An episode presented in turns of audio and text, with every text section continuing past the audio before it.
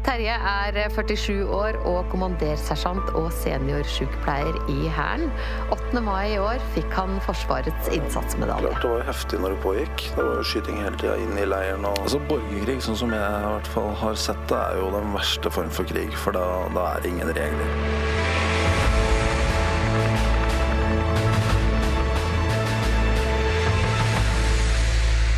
Hei, Terje.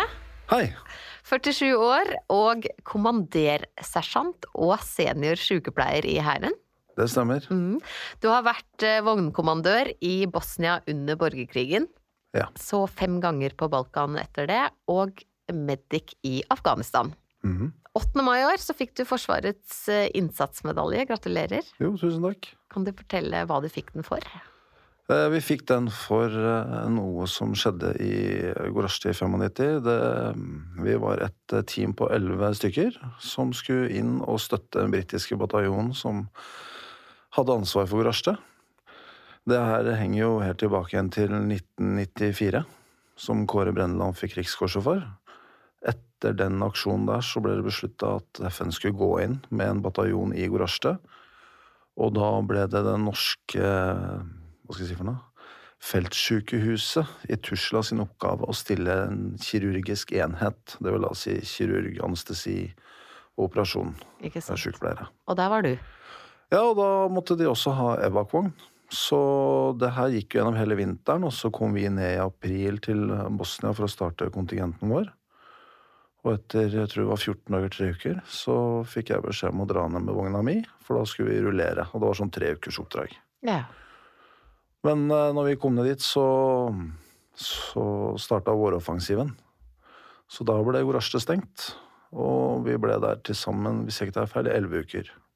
Elleve uker, ja. Ja. Men var dere på en måte fanga da? ja, du kan jo si det sånn. Det var ikke noe freedom of movement for FN. Vi måtte jo søke om å få kjøre ut av Gorasjte, få forsyninger inn. Så det stengte jo serberne. Ja. Så mm, kjøkkenet stengte jo etter hvert. Og britene gikk mer over til å spise feltrasjoner, for de fikk ingen fersk mat. Drivstoff og mangelvare. Alt, alt ble mangelvare. Hvordan var det der for eh, folk, folka som bodde der, og for dere? Eh, vi militære hadde det jo for så vidt greit. Eh, klart, det var jo heftig når det pågikk. Det var jo skyting hele tida inn i leiren og rundt leiren og sånn, men det kan ikke sammenlignes med hva sivilbefolkningen gjennomgikk. Mm. De hadde det jo helt, helt forferdelig. Ja. For sykehuset gikk jo tomt for utstyr. Leger uten grenser var der, gikk tom for utstyr. Um, ja. Så de sivile hadde det jo mye, mye verre enn det vi hadde. Mm. Hvordan var det å være 25 år og vitne til det? Veldig lærerikt. Det var bratt læringskurve, for å si det sånn. Um, og så er det sånn, i hvert fall så var det sånn for min del, man reflekterte kanskje ikke så mye over det der og da. Man har gjort det mer kanskje i ettertid. Eh, jeg vokste i hvert fall veldig på det. Å Sitte der og ha ansvar for eh, mine. Og være redd når de var ute og gikk, og det smalt som verst. Og ikke ha helt kontroll på hvor de var og sånn. Så det har jo forma meg, i hvert fall, eh, som den jeg har vært i alle år i, i mitt virke da, i Forsvaret. Mm. Hva jeg kanskje har litt mer fokus på, hva jeg kanskje tenker ikke er fullt så veldig viktig. Ja. Du har fått perspektiv? Ja, Ja. kan vel kanskje si det sånn. ja. Men for oss som ikke liksom har eh, Bosnia og borgerkrigen frist i minne, hvordan, var, hvordan går det an å fortelle litt hva du var eh, hva, du, hva slags opplevelser hadde du? Altså Borgerkrig, sånn som jeg i hvert fall har sett det, er jo den verste form for krig. For da, da er det ingen regler. Da, da slåss jo gamle naboer mot hverandre, og det er bare Ja. Om å gjøre å vinne. Eh, uansett hvilke hjelpemidler du tar i bruk. Um, Og hvilke hjelpemidler tok man i bruk? Ja, men De driver jo med sånn det vi kaller for etnisk rensing. da, ikke sant? Man drev jo bort de som var muslimer, man drev bort serberne fra muslimske områder. eh, Og kroatene osv. Og, så og det er jo Det er jo ikke bra. Og man drepte jo de man ikke fikk til å dra frivillig, og det så heldigvis ikke vi så mye av, da. Um, Det skal sant sies. Men um, vi visste jo hva som hadde foregått. Uh, bare året før vi kom ned, og den vinteren uh, som vi, før vi kom ned. Mm. Så vi slapp heldigvis å se noe sånt noe, men um, ja, vi, vi fikk jo se det vi trengte å se. Mm. For å si det sånn. Hvordan, hvordan liksom håndterer dere hvordan, hvordan håndterte dere det? Hva gjorde dere? Snakka dere mye, eller? Måten vi gjorde det på hos meg, da, for det litt ut i perioden vår i Gorasjte, så ble vi splitta opp. Eh, Da tok man eh, det kirurgiske teamet og flytta inn i kjelleren på et hotell i sentrum, for den britiske bataljonssjefen mente at det var tryggere. For eh, det var så mye drit rundt og inn i leiren at han ville ikke risikere den ressursen. Mens jeg med Evak-vogna mi ble stående igjen inne i leiren. Ja. Og i den perioden der så var det shelter 24-7. Det betydde at du måtte være i beskytta rom. Og rommet for vår del, det var vogna. Så da bodde vi fire stykker da inni den her pansra vogna hele tida. Ja. Dag ut og dag inn. I hvor mange uker? Eh, Hvor mange uker var det da vi ble der? Jeg tror det var tre uker i strekk. Hvor vi satt bodde i vogna. Og fikk kun gå ut hvis vi skulle på do. Eventuelt hvis vi måtte kjøre ut og hente noe som var skada. Og sånne ting. Mm. Og da er det, det er veldig trangt inni vogna der når du sitter fire stykker. Og så hadde jeg ei jente i, i laget mitt. Så måten vi gjorde det her på, var at vi hele tida prata om hva som skjedde. Um, vi hadde så veldig bredt spekter på alder òg. Jeg hadde jo en som hadde vært ute første gangen i Gaza i 68. Og så var han sånn medic hos meg. Ja. Og så hadde jeg hun her jenta som var ja, 20. Så vi, jeg, jeg spilte litt på det spennet, da. Med at han som var eldre, kunne fortelle litt hva han hadde opplevd før, og, og sånne ting. Og så ble vi litt enige etter hvert om at hver morgen så tok vi tre karer på oss uh, skuddsikker vest og hjelm, og så gikk vi ut av vogna. Og så lot vi hun eh, jenta vår få én time aleine i vogna til å ta litt sånn morgenstell og Ja. være litt for seg sjøl. ja. Og i hvert fall uh, tilbakemeldinga fra hun var at hun syntes det var ålreit. Så da var det en måte for oss å løse litt den her eh, Det blir litt tens da, når du sitter oppå hverandre i tre uker. Ja, fy flate. Og er i en egentlig litt sånn livsfare på et vis? Eller følte det Var dere Jo, det var jo skyting inn i, inn i leiren, og rett ved sida av vogna vår og, og sånne ting. Så det er klart Du hadde ikke lyst til å være så mye utafor. Minst mulig for meg. Er, er dette her liksom folk du står nære i dag? Ja, de betyr mye for meg, men vi har ikke hatt så veldig mye kontakt. Det har vært litt mer nå siste åra, selvfølgelig, i forbindelse med at vi var så heldige og fikk den medaljen og sånn i, nå i mai. Og da møttes vi, og det var jo kjempekoselig. Mm. Og så møttes vi igjen en gang i Første gang vi møttes, var 2000, etter fem år. Og så møttes vi igjen i 2008, under en sånn liten seremoni. Så de betyr veldig mye for meg. Men vi har ikke vært så veldig flinke til å holde så mye kontakt med hverandre. Det er det ikke. Hvordan er det når dere møtes, da? Det er kjempetrivelig. Mm. Det er utrolig godt å se det igjen. For vi har jo vi har jo en veldig spesiell opplevelse sammen. Som kommer til å følge oss for resten av livet. Mm. Så det er alltid koselig. Du sa du var heldig som hadde fått eh, medalje. Er det heldig, egentlig? Eller er det, det er vel mer Nei, men virkelig velfortjent? Jo, men eh, det var jo ikke noe sånt noe før. Det her er jo kjempenytt. Vi begynte jo med det her først i 2012-13, var det vel? Mm. At vi begynte å dele ut sånne erkjennelser. Så for norske forsvaret så er det veldig nytt, for det var jo borte etter annen verdenskrig. Så det har vært gjort en fantastisk jobb sånn sett for å hedre veteraner de siste åra. Ja. Enormt bra stykke arbeid. Mm. Ja. Hva tenker du om det? Er det viktig? Ja, jeg syns det er viktig. Det koster jo Forsvaret lite, da. Det er en metalldings som henger i et lite tøystykke. Det koster ingenting å lagre. Men det betyr så utrolig mye for den som får det. Mm. Ehm, kanskje vanskelig for en del folk å forstå, men den bitte lille saken der, da, den betyr veldig mye. Og for mange så kan det være ja, den lille erkjennelsen de trenger, da, for at kanskje ja, at noe som egentlig kanskje er litt vondt, da, ikke blir så vondt. Kanskje blir litt positivt istedenfor bare negativt. Ja. Ja. Dette var såpass viktig, på en måte, eller var eh, Ja, så blir det synliggjort. Det synliggjøres jo. Folk ser jo. Eh, at du har vært med på noe som har vært spesielt. Så det er fint. Hvor har du medaljer? Nei, jeg er jo tjenestegjørende, så vi, jeg har den jo der jeg skal ha den jeg har på meg en uniform hvor jeg skal bruke medaljer. Ja. Henger på uniformen. Ja, Ja. det, vi pleier å gjøre det. Snakker du med en eh, ganske Jeg så deg jo på God morgen Norge, og da hadde, men da hadde du veldig mange medaljer. Ja, men vi bruker aldri de store medaljene, annet enn med sånne anledninger. Vanligvis så har du bare de salatbitene. Salatbitene. Ja. Båndstripene heter det. Denne podkasten er sponset av The Long Road Home. Se premieren på National Geographic søndag 5. november klokken 22. Du, um, du leverte oppsigelsen etter, eh, etter den uh, runden i Bosnia. Hvorfor gjorde du det? Eh, nei, jeg, jeg ble veldig skuffa over FN, må jeg ærlig innrømme. Jeg har aldri vært ute i FN-oppdrag etterpå. Litt bevisst. Ja. Ja. Jeg syns det fungerte særdeles dårlig. Det var eh, Nei, du har ikke noe mandat. Vi som er på bakken, har ikke noe klare sånne ROE, som det heter, Rules of Engagement. Eh, Det er litt sånn at du må bli skutt på for å få lov til å skyte tilbake.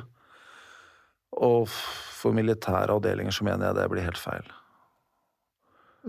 Og sånn er det ikke i Nato.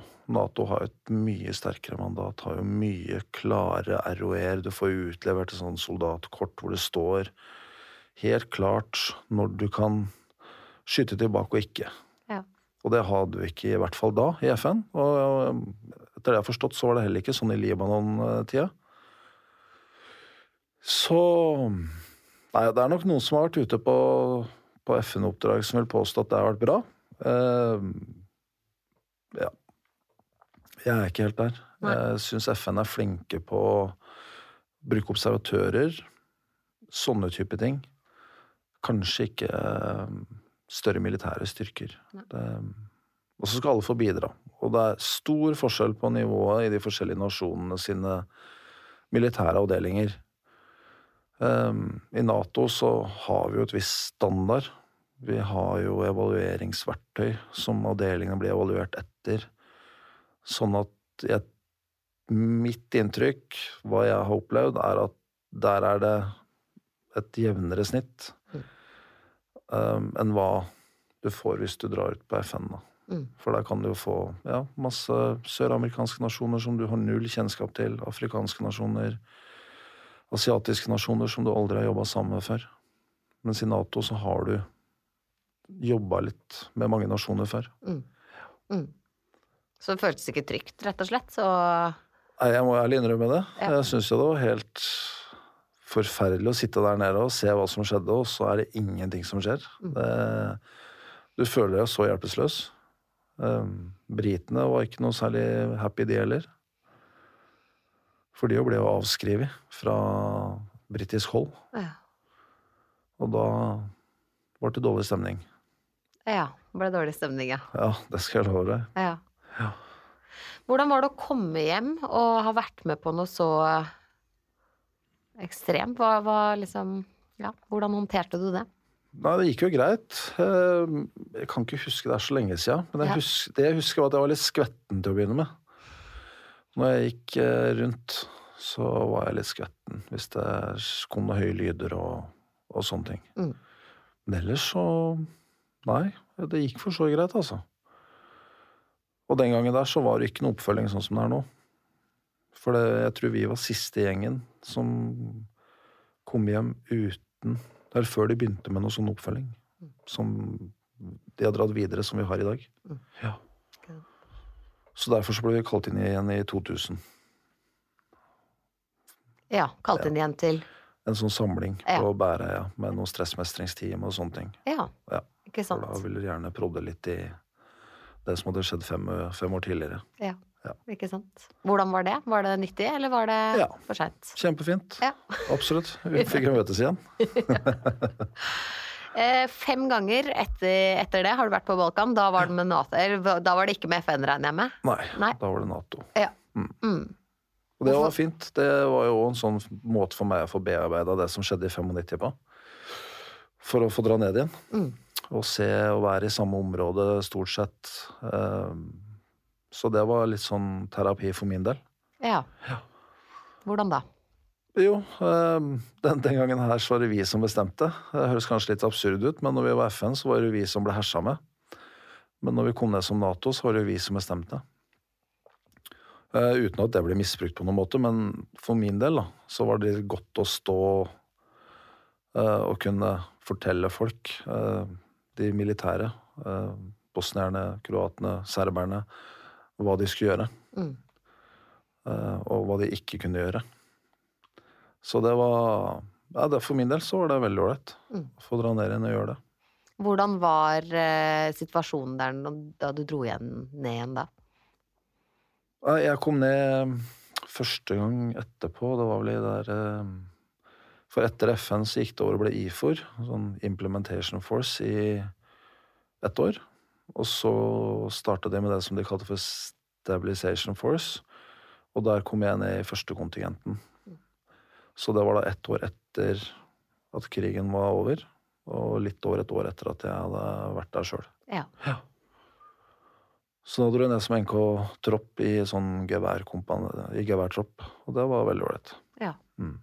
Og, og, Ja, rett og slett, hvordan var, hvordan var livet der da? Hva var det som møtte deg av eh, Eh, Du så jo stor forskjell da, fra de forskjellige eh, sidene. Altså på den bosniske siden, da, den muslimske siden, så var det jo veldig fremgang, for der var det veldig mange hjelpeorganisasjoner. USA var jo tungt inne på dømmers side. Eh, Men vi hadde leiren vår i bosnisk-serbisk område, og der var det ingenting. Så det husker jeg vi stussa litt på. Det var veldig skjevfordeling. Det var liksom ferdig opplest og vedtatt hvem som var skyld i alt det her. Og det var jo tydelig å se på, på hjelpa som ble gitt. Så det var særs lite hjelp på bosnisk-serbisk side, mens det var veldig mye hjelp på kroatisk og bosnisk-muslimsk side. Ja. Eh, veldig dårlig, spør du meg. ja. For det var tre helt like parter. Ja. Og det så jo bosniske serberne, så de ble jo sure for det, ikke sant? Og gjorde i enkelte situasjoner jobben vår kanskje litt unødvendig vanskelig, da. Eh, De var litt lite hjelpsomme. ja. For hva var jobben deres? Ja, det var jo å se at eh, Dayton-avtalen ble overholdt, da. At eh, det ikke var våpen inne i et sånn Der den gamle frontlinja hadde gått, så var det ikke lov til å ha militære og våpen. Så da var det jobben vår da, å, å patruljere i de områdene der og passe på seg at det ble gjort. Og så hadde vi ansvar for å telle våpenlagra. For de fikk jo heller ikke lov til å ha våpen rundt forbi. De måtte samle det i noen sånne militærleirer. Og da var det jobben vår å dra inn og telle. Og se til at alt ammunisjon var der. Alt av våpen var der. Og hvis det mangla noe, så ble det jo kjempebråk. Ja. Og hvis det hadde kommet noe nytt, så måtte de forklare oss hvor, hvor har dette kommet ifra. Og så ble det ført opp lista, og så måtte det være der da også neste gang. Ja. Så de tellingene der kunne være litt sånn Ja. Det gikk veldig fint på kroatisk side. Jeg hadde ikke noe på bosnisk side. Men noen ganger så kunne det gå litt treigt på serbisk side. Ja. Men de var veldig ålreit. De, de er veldig militære, så hvis du kom og sa at eh, jeg har fått ordre om å komme og telle lageret ditt, uvarsla, så skjønte de at det er ikke noe du har funnet på, så da, gikk, da var det veldig greit. ja. Da var, du ikke, ikke sånn, ikke i fare på samme måte Nei. etterpå der. Der var det Da var det stille og rolig. mm. Da var det. Så eh, reiste du hjem til Norge da, igjen. Og så fikk du kone Ja, og barn. jepp. Yep. Og så, hvordan tenkte du da at nei, nå drar jeg til Afghanistan? Var det, hva var det som eh, Det var noen en gang som fortalte litt at um, det her å drive på reise ut i sånn intops, som vi kaller det, det er litt sånn vår tids sjøfarere. For det er litt sånn enten så syns du det var ålreit, og så gjør du det flere ganger. Eller så er du ute en gang, og så syns du at det var liksom greit, og så gjør du ikke mer. Mm. Og jeg har vel endt opp med å kanskje tilhøre den der første kategorien, da. Eh, nei, det var jo Det var litt annerledes, jeg må si det, å reise ut. Jeg trodde det skulle være greit, og det var jo for så vidt greit. For det som er, er at Når man er ute, så er vi er så fokusert, for vi har en jobb. Um, så vi er fokusert på de oppdragene vi skal ut og løse. Um, og alt fokus er på det.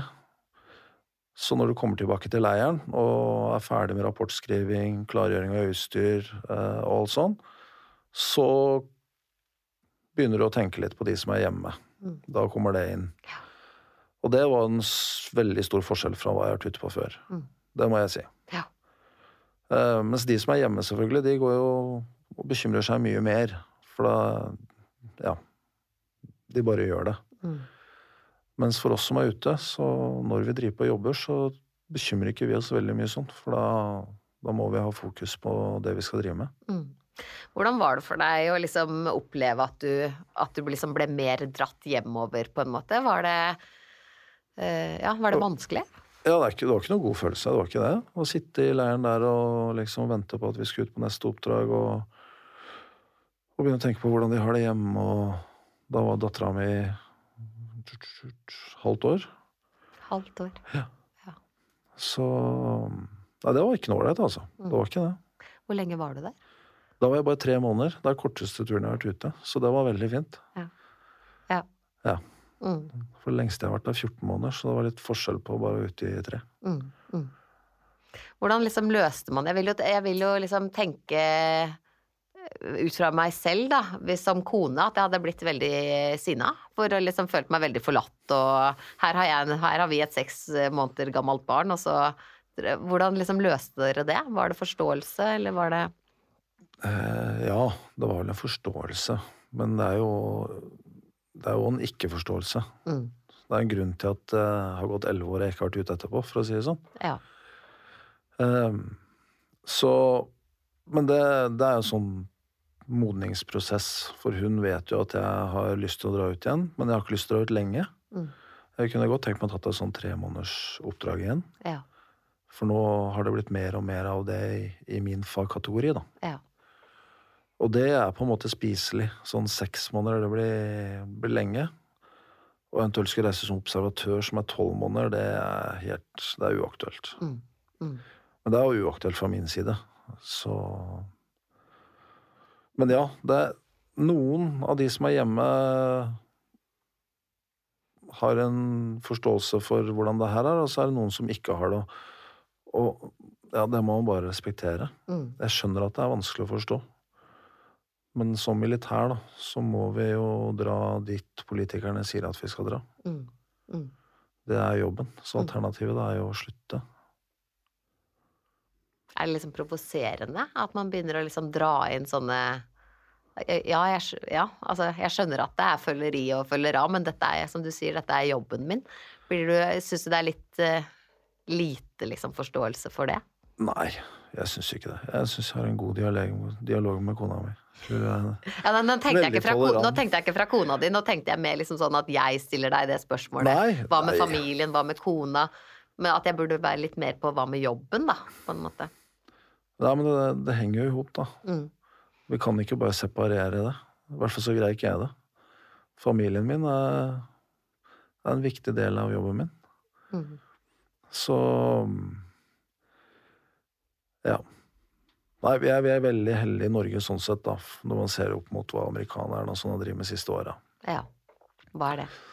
Nei, de har jo tolv månedersturer til Irak og Afghanistan. Ja. Og det ser man jo resultatet av i dag. Det er jo Husker ikke hvor mange selvmord jeg har hver dag. Det er jo helt sjukt. Det er klart at hvis du går i et misjonsområde i tolv måneder, hvor du, hver gang du er utafor leiren blir skutt på, så må du ikke fortelle meg at ikke det gjør noe med huet ditt.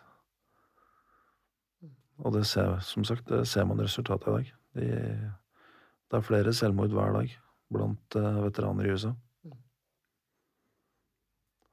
Er de, er de liksom fordi at det er mer alvorlig det de møter, eller fordi at eh, oppfølgingen er dårligere, eller fordi at det er for lenge, eller hva er, hva er grunnen til det, tenker du? Jeg har litt for dårlig kjennskap til det, men eh,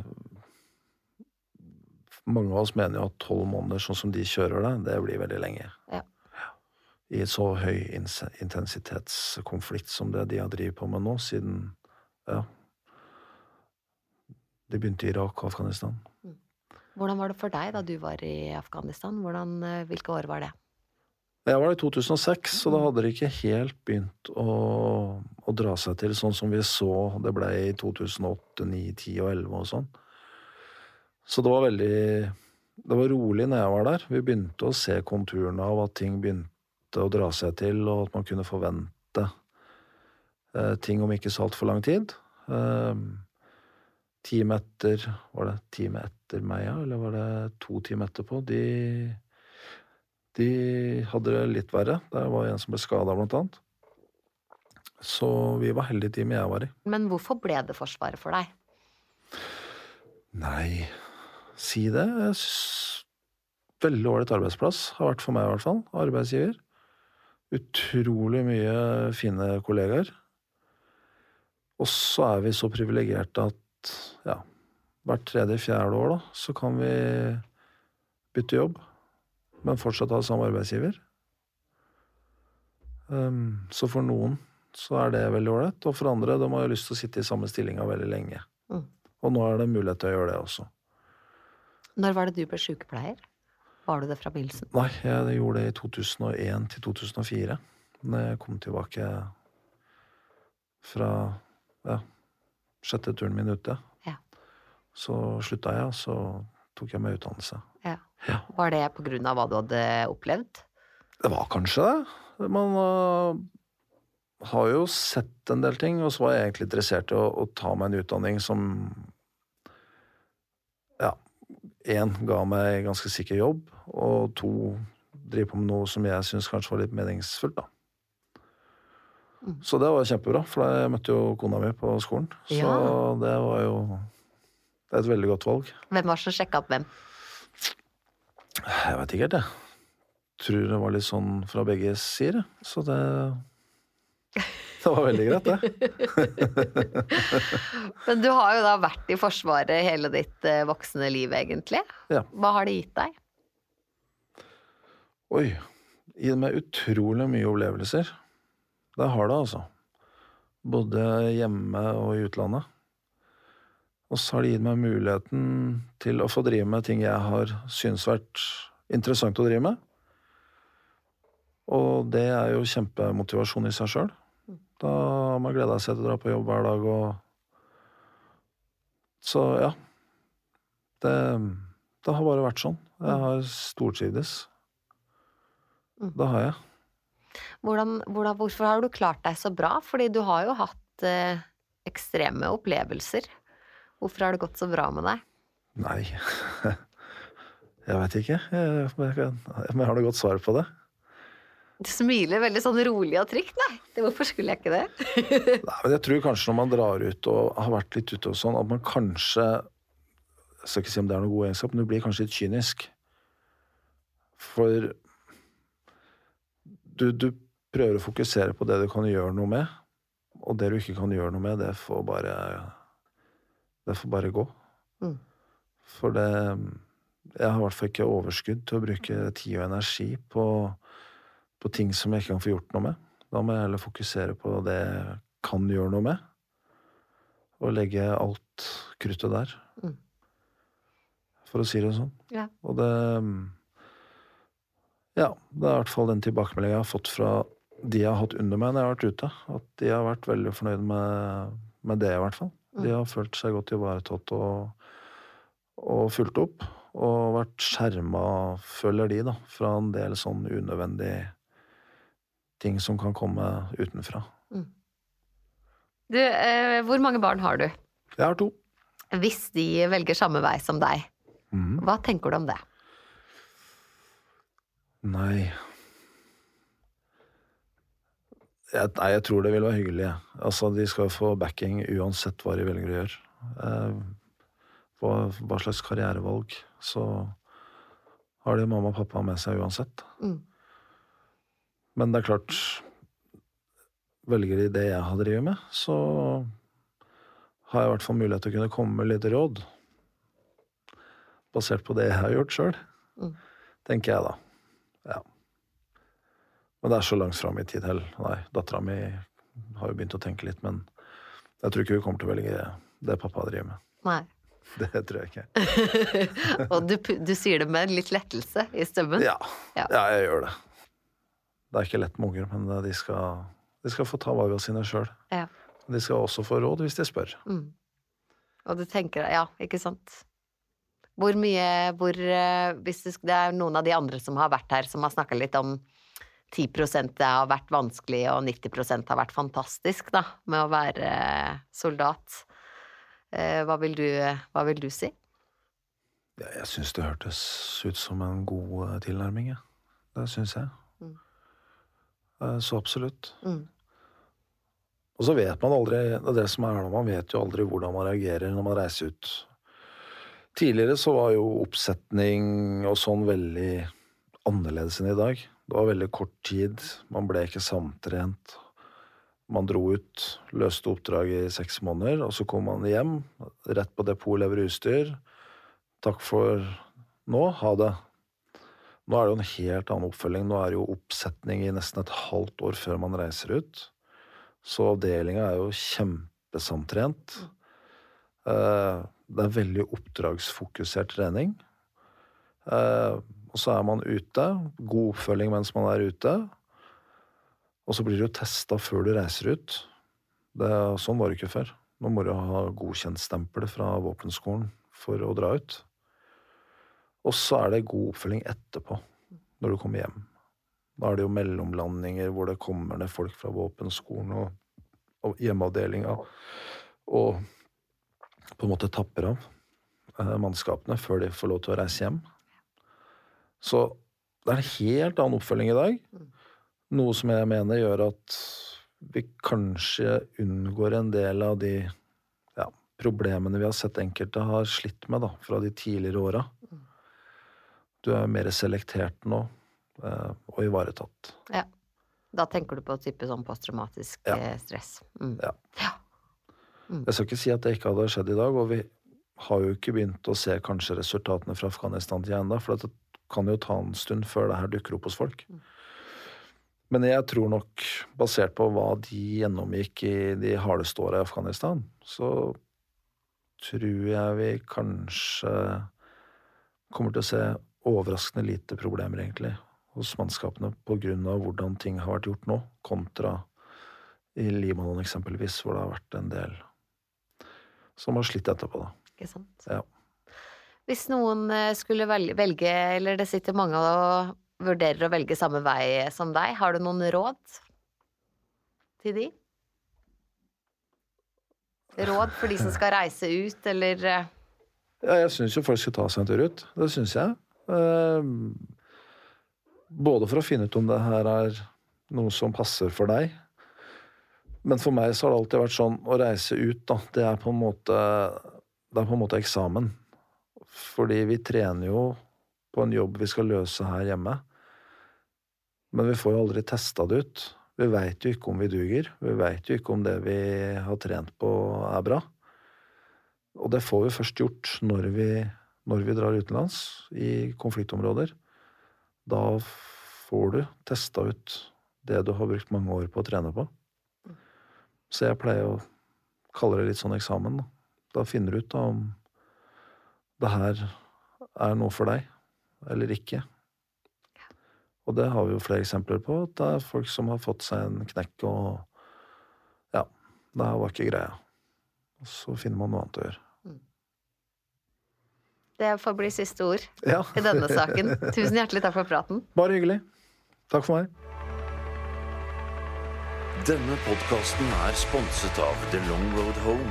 Se premieren på National Geographic søndag 5. november klokken 22.